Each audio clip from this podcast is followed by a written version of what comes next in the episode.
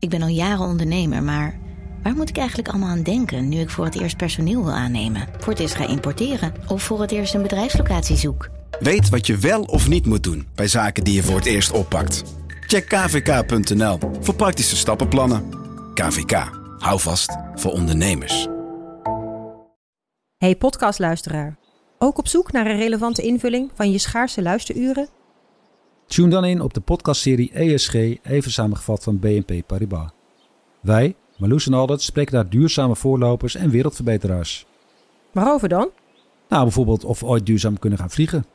En waarom koeien in de stad nou een goed idee is? Dat en meer elke twee weken in een nieuwe aflevering. Dus abonneer je. ESG, even samengevat.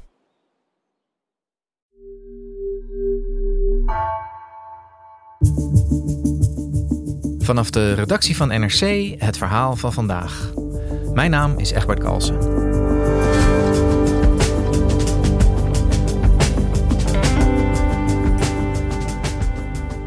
Precies een maand geleden sloot Europa een migratiedeal met Tunesië. Experts waarschuwden toen al voor de veiligheid van zwarte migranten in het land. Inmiddels komen er steeds meer schrijnende verhalen naar buiten over mensen die zonder water de snikhete woestijn in worden gestuurd, vertelt buitenlandredacteur Dirk Walters. Hoe lang kan Europa hier nog voor wegkijken?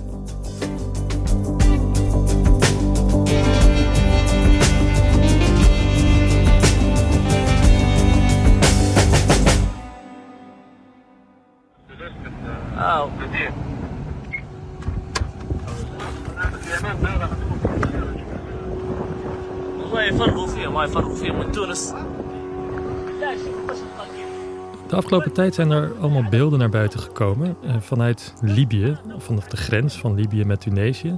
Die beelden zijn geschoten door de Libische grenswacht. En wat je daar ziet is dat migranten ja, daar zonder eten en drinken bij de Libische grens aankomen, volkomen uitgedroogd. Op een van die filmpjes zijn van die filmpjes die met een mobiele telefoon gemaakt zijn, een beetje schokkerig. Zie je een, vader met een baby in zijn armen, een kind van rond de vier maanden oud die dringend water nodig heeft. hij houdt haar dicht tegen zich aan, terwijl de, de Libische grenswacht uh, haar wat water geeft. Verderop zie je dan hoe, uh, hoe vrouwen door het zand strompelen en, en neervallen zodra ze de grenswacht zien, totaal uitgeput. Sommige mensen komen ook om bij een tocht. Er zijn laatst 27 lichamen geborgen en dat aantal loopt waarschijnlijk nog op. Het lijkt erop dat Tunesië deze mensen ook echt bewust de woestijn indrijft zonder eten en drinken en ze daar aan hun lot worden overgelaten.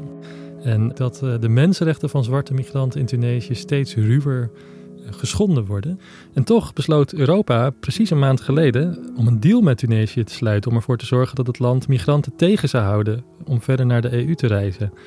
En de vraag is eigenlijk: hoe lang kan Europa wegkijken voor wat er in Tunesië gebeurt en voor de gevolgen die de deal heeft? Ja, Dirk, die, uh, die beelden die jij beschrijft van die vluchtelingen die van, uh, van Tunesië naar Libië gaan, die, die hebben we allemaal wel gezien. Ik in ieder geval wel. Uh, heel schrijnend. Je moet ons even meenemen, denk ik. Europa sloot een deal met Tunesië. Hoe zat dat ook alweer? Ja, in Europa maakt men zich veel zorgen over het aantal migranten dat het continent bereikt. En wat je dit jaar ziet, is dat er heel veel migranten via Tunesië naar Europa komen. Dus het is eigenlijk de nummer één route geworden voor migranten om Europa te bereiken. bijvoorbeeld de helft van de migranten die dit jaar per boot in Italië aankwam, die waren uit Tunesië vertrokken. Uh, nou, onder andere Mark Rutte die zegt van hé, hey, um, ik wil voorkomen dat mensen die gevaarlijke reis uh, moeten maken. For humanitarian reasons, it is vital that we work together to try to stop people making the dangerous and often deadly Mediterranean crossing as they attempt to reach the EU's shores. Rutte zegt zich dan zorgen te maken over die mensenrechten situatie. Nou, dat zal die zeker ook hebben, die zorgen. Maar eh, je kunt natuurlijk niet loszien van bijvoorbeeld het overvolle asielsysteem in Nederland en in andere Europese landen.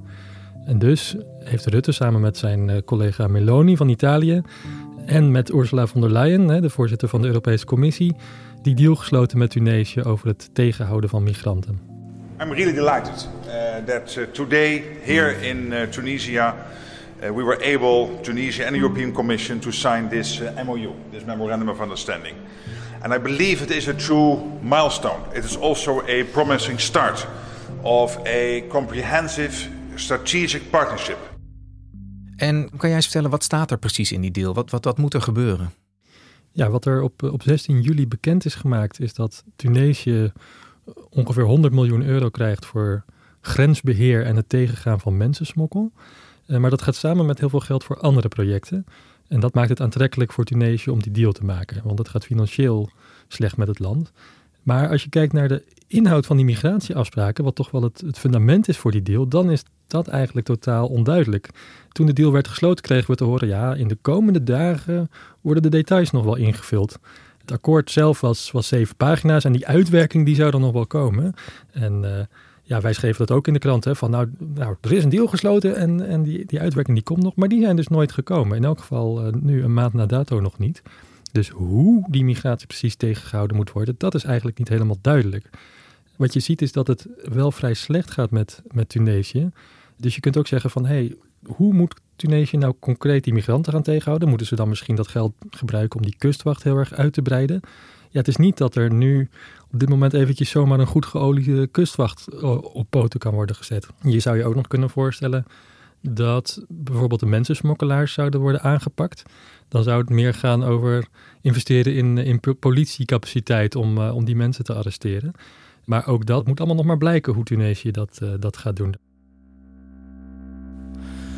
Oké, dus die, die, deal die is inmiddels een maand oud, hè? die is gesloten. Maar we weten dus totaal niet eigenlijk wat, wat, er, wat er precies in staat. Misschien zijn er wel helemaal geen gedetailleerde, uitgewerkte afspraken hierover.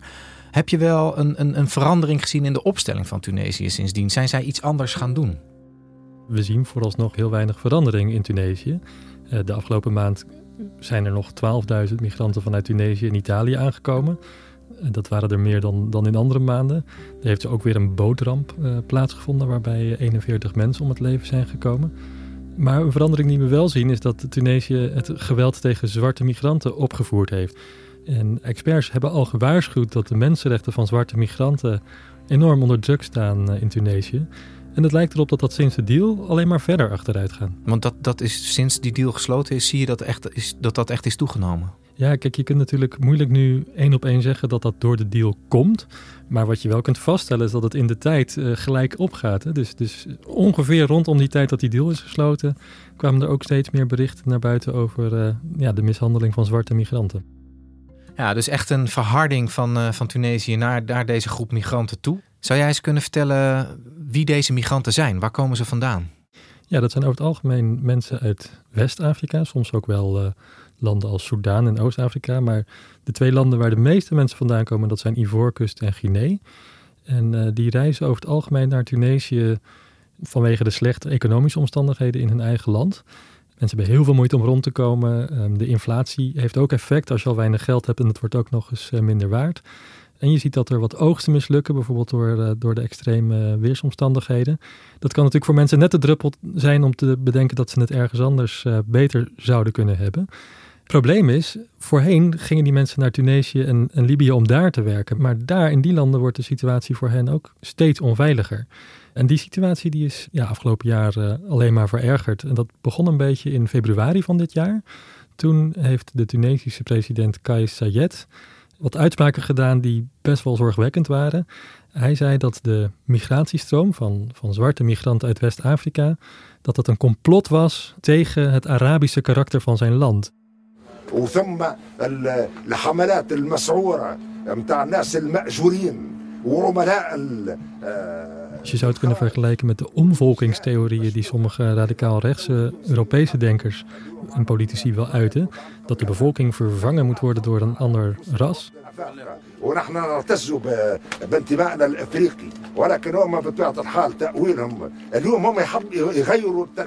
En met die, met die haatdragende retoriek heeft die mensen op weten te zwepen om dus ook daadwerkelijk geweld te plegen tegen die zwarte migranten. Ja, want waar, waarom doet hij dat? Waarom heeft hij zo'n narratief nodig zeg maar, om zich tegen die zwarte migranten te keren? Ja, Sayed heeft uh, ja, de macht gegrepen als het ware. Hij is op een gegeven moment democratisch verkozen, maar hij heeft vervolgens min of meer de democratie afgeschaft. Het heeft alles weg van een staatsgreep. In Tunesië heeft de president het parlement en de premier aan de kant geschoven. Het leger staat achter hem en een deel van de bevolking ook. Maar hij heeft ook zijn land in diepe economische ellende gestort. Ze kampen met een inflatie die in de dubbele cijfers loopt. Eh, er is een vrees dat het land zelfs failliet gaat. En dat uitzicht dan in, in lege schappen in de, in de supermarkten. En uh, ja, er staan lange rijen voor de, de tankstations. En ik denk wat je hier ziet is deels een narratief wat helaas wel vaker bekend is bij leiders die dit soort teksten uiten. Dat ze natuurlijk iets nodig hebben om de aandacht af te leiden van hun eigen bijdrage aan de verslechtering van de economie. En dan zie je dat de zondebok uh, van stal wordt gehaald. En in dit geval is de zondebok zwarte migranten. En dan niet alleen zwarte migranten uit West-Afrika, maar eigenlijk uh, mensen met een donkere huidskleur in het algemeen. Ja, en, en kan jij omschrijven hoe dat complot er volgens hem dan uitziet? Ja, volgens hem zouden die zwarte migranten uit Afrika beneden de Sahara uh, ervoor zorgen dat Tunesië een puur Afrikaans land moet worden. En nou, zelf ziet hij dus Tunesië als duidelijk iets anders dan, dan de rest van Afrika. Heel erg gescheiden door die Sahara. In het noorden wonen de Arabieren en in het zuiden wonen de Afrikanen. Maar de Afrikanen van beneden de Sahara, die zouden het dus echt meer uh, ja, het land willen Afrikaniseren. En dan ervoor moeten zorgen dat de banden met de Arabische en Islamitische naties worden verbroken. Dat zijn allemaal vage beschuldigingen. Hè? Dus hij noemt geen namen, maar dan zegt hij van... Uh, ja, er zijn krachten en partijen in Tunesië betrokken bij een crimineel akkoord. En dat zou dan al begonnen zijn rond de eeuwwisseling. Met als doel om de demografische structuur van Tunesië te veranderen. Ja, wie die krachten dan zijn, wie die partijen dan zijn, dat zegt hij er niet bij. Um, daardoor is het ook moeilijk uh, te bewijzen natuurlijk. Sayed die heeft op een gegeven moment een toespraak gehouden tot zijn veiligheidschefs. Waarin hij zei, jongens, jullie moeten optreden tegen de hordes mensen die naar Tunesië worden gesmokkeld. En wat je dus ziet is dat er een golf van racistische klopjachten ontstond door heel Tunesië. En in, in die eerste weken, dat, dit was in februari, maart van dit jaar, zijn er al meer dan duizend uh, zwarte immigranten uit hun huizen gezet, soms met geweld. The landlord take everything from my house. I don't have any place to live. I came here. Is here I'm sleeping. There is no foam. There is no bed spread for me to sleep. Spit on us. Throw stone on us. Throw objects on us. Beat us with sticks. Is it a crime to have this color? Is it a crime?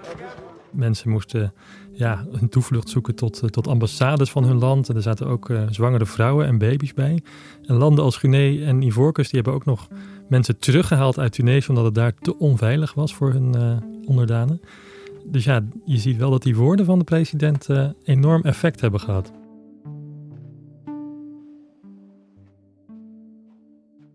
Dus het geweld neemt echt uh, hand over hand toe tegen die, uh, tegen die zwarte migranten. Zo erg zelfs dat ze, dat ze het toch door de woestijn uh, ervoor over hebben, zou je kunnen zeggen, om, om maar te ontvluchten aan dat geweld. Ja, ik moet er wel bij zeggen, wat daar precies gebeurt, dat is nog best onduidelijk. Maar er komen wel steeds meer getuigenissen naar buiten van mensen die, ja, die daar in de woestijn aangetroffen worden, bijvoorbeeld door de Libische grenswacht wat we in elk geval weten is dat ze dus uiteindelijk bij de Libische grens aankomen. Want daar worden ze opgepikt, daar zien we beeldmateriaal van. En we horen verslagen van die migranten zelf. Zo was er een man die toen hij aankwam in Libië getuigde dat hij door de Tunesiërs ergens midden in de woestijn werd gedropt. Uh, zonder eten of, of drinken. In de brandende hitte. En dan moet je echt denken aan een, aan een vlakte. Zonder ook maar enige vorm van, van beschutting. Waarna hij het zelf maar mocht uitzoeken. Het lijkt er ook op dat er migranten bij zitten die er zelf voor kiezen om te vluchten. Maar dan moet je nagaan dat de situatie in Tunesië dus kennelijk zo heftig voor ze is dat ze er toch uh, ja, dan nog liever ervoor kiezen om dagenlang met kinderen door de woestijn te trekken dan dat ze blijven waar ze, waar ze zijn. En we weten ook dat er in een, in een stad als uh, Sfax, een, een havenstad, een van de grotere steden van Tunesië, ja, echt van die racistische aanvallen hebben plaatsgevonden. Waardoor mensen echt ja, fysiek de stad uit zijn gejaagd. En daar, ja, vanaf daar ook maar zelf moesten uitzoeken wat ze gingen doen.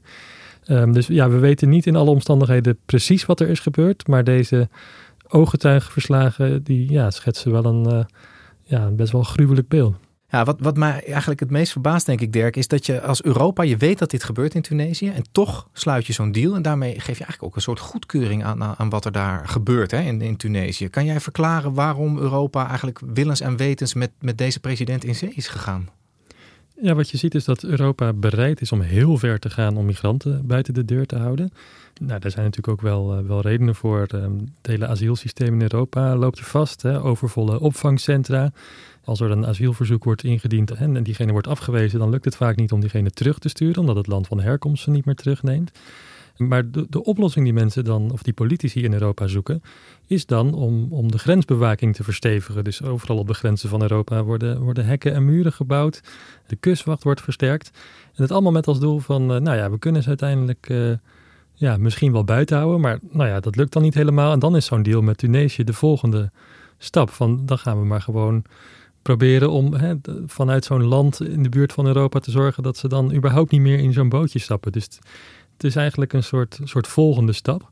En het past ook wel in de trend dat we het steeds verder buiten de Europese grenzen al willen aanpakken. Dus ja, het is ook een beetje de gedachte, als je maar voorkomt dat ze in zo'n bootje stappen, ja, dan hebben wij uh, ook uh, niet die last om ze op te moeten vangen.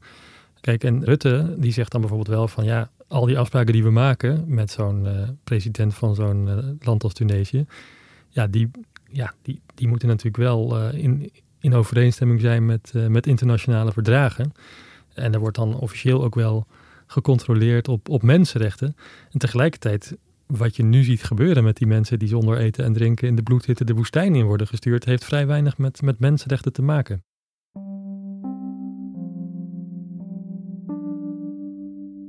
En Dirk, kan dit zomaar? Ik bedoel, mag Europa met een zak geld eigenlijk dit probleem zo over de Middellandse Zee bij Tunesië neerleggen? Ja, de vraag is een beetje wat de juridische status is van dit akkoord met Tunesië. Want formeel heet het een partnership dat Europa met Tunesië heeft gesloten. Dat is nog iets anders dan een officieel verdrag. Want zo'n verdrag dat zou dan uh, geratificeerd moeten worden en langs het parlement. Misschien nog langs nationale parlementen voordat het uh, in werking treedt. Dat is hier allemaal niet het geval. En dat maakt het natuurlijk ook lastig om te toetsen. Maar wat je wel ziet is dat mensenrechtenorganisaties heel kritisch zijn over de schendingen van mensenrechten door Tunesië. Waar Europa dan volgens deze organisaties aan bijdraagt door zo'n autocratische president geld te geven. En wat je ook kunt vaststellen is dat er een soortgelijke situatie is in Libië. Europa geeft geld aan Libië om in te zetten voor de Libische kustwacht. Die kustwacht doet dingen met migranten die niet door de beugel kunnen. In Libië zijn er ook allemaal detentiecentra waar migranten worden mishandeld, waar hun spullen worden afgepakt, waar eh, mensen zelfs soms wordt het wel eens moderne slavernij genoemd, waar mensen dus gedwongen worden om te werken voor een hongerloontje. Daar is een rapport over verschenen door de Verenigde Naties. Die hebben geconstateerd dat er sprake is van misdaden tegen de menselijkheid in Libië. En in een heel erg hard rapport hebben ze gezegd dat Europa dus bijdraagt aan die misdaden tegen de menselijkheid door Libië te betalen. En iets soortgelijk zou je natuurlijk op een gegeven moment kunnen gaan vaststellen voor uh, Tunesië. En als het een, bijvoorbeeld een zaak zou worden voor het uh, Mensenrechtenhof, dan zou je je kunnen voorstellen dat een, een, een, rechter dit wel mee zou kunnen wegen van in hoeverre maakt Europa zich medeplichtig aan die schendingen door zo'n land in Afrika te betalen. En, en wordt er eigenlijk in Europa al gereageerd op hoe het nu gaat in, in Tunesië? Ik bedoel, die deal is een maand oud. Uh, 16 juli uh, zeiden we al, is die gesloten. En intussen uh, vallen die doden in, in die woestijn tussen Libië en Tunesië. Nou ja, er, er, wordt wel wat gereageerd. Uh, ik hoorde een, een, Belgische politica die kritisch was op de deal. Er zijn ook in Nederland wel wat Kamervragen gesteld. Maar ik denk toch dat je kunt vaststellen dat het in de vakantieperiode valt. Hè. Politici zijn met vakantie, uh, de parlementen zijn met reces. En daardoor is de, de respons ja, toch nog niet heel overweldigend. Ik verwacht wel een beetje dat als de ja, de politiek weer een beetje op gang komt uh, na het zomerseizoen, uh, dat eh, het laatste woord nog niet over gezegd is. Met name ook in Brussel, omdat Ursula von der Leyen als voorzitter van de Europese Commissie echt haar, haar gezicht heeft verbonden aan deze deal. Ja, daarmee staat ze natuurlijk ook wel bloot aan mogelijke kritiek. Ik denk op het moment dat dat allemaal weer op gang komt in Brussel en Straatsburg, dat zij daar zeker nog wel wat, wat vragen over kan verwachten.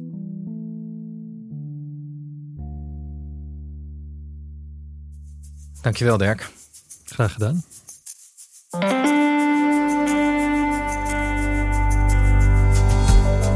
Je luisterde naar vandaag, een podcast van NRC. Eén verhaal, elke dag.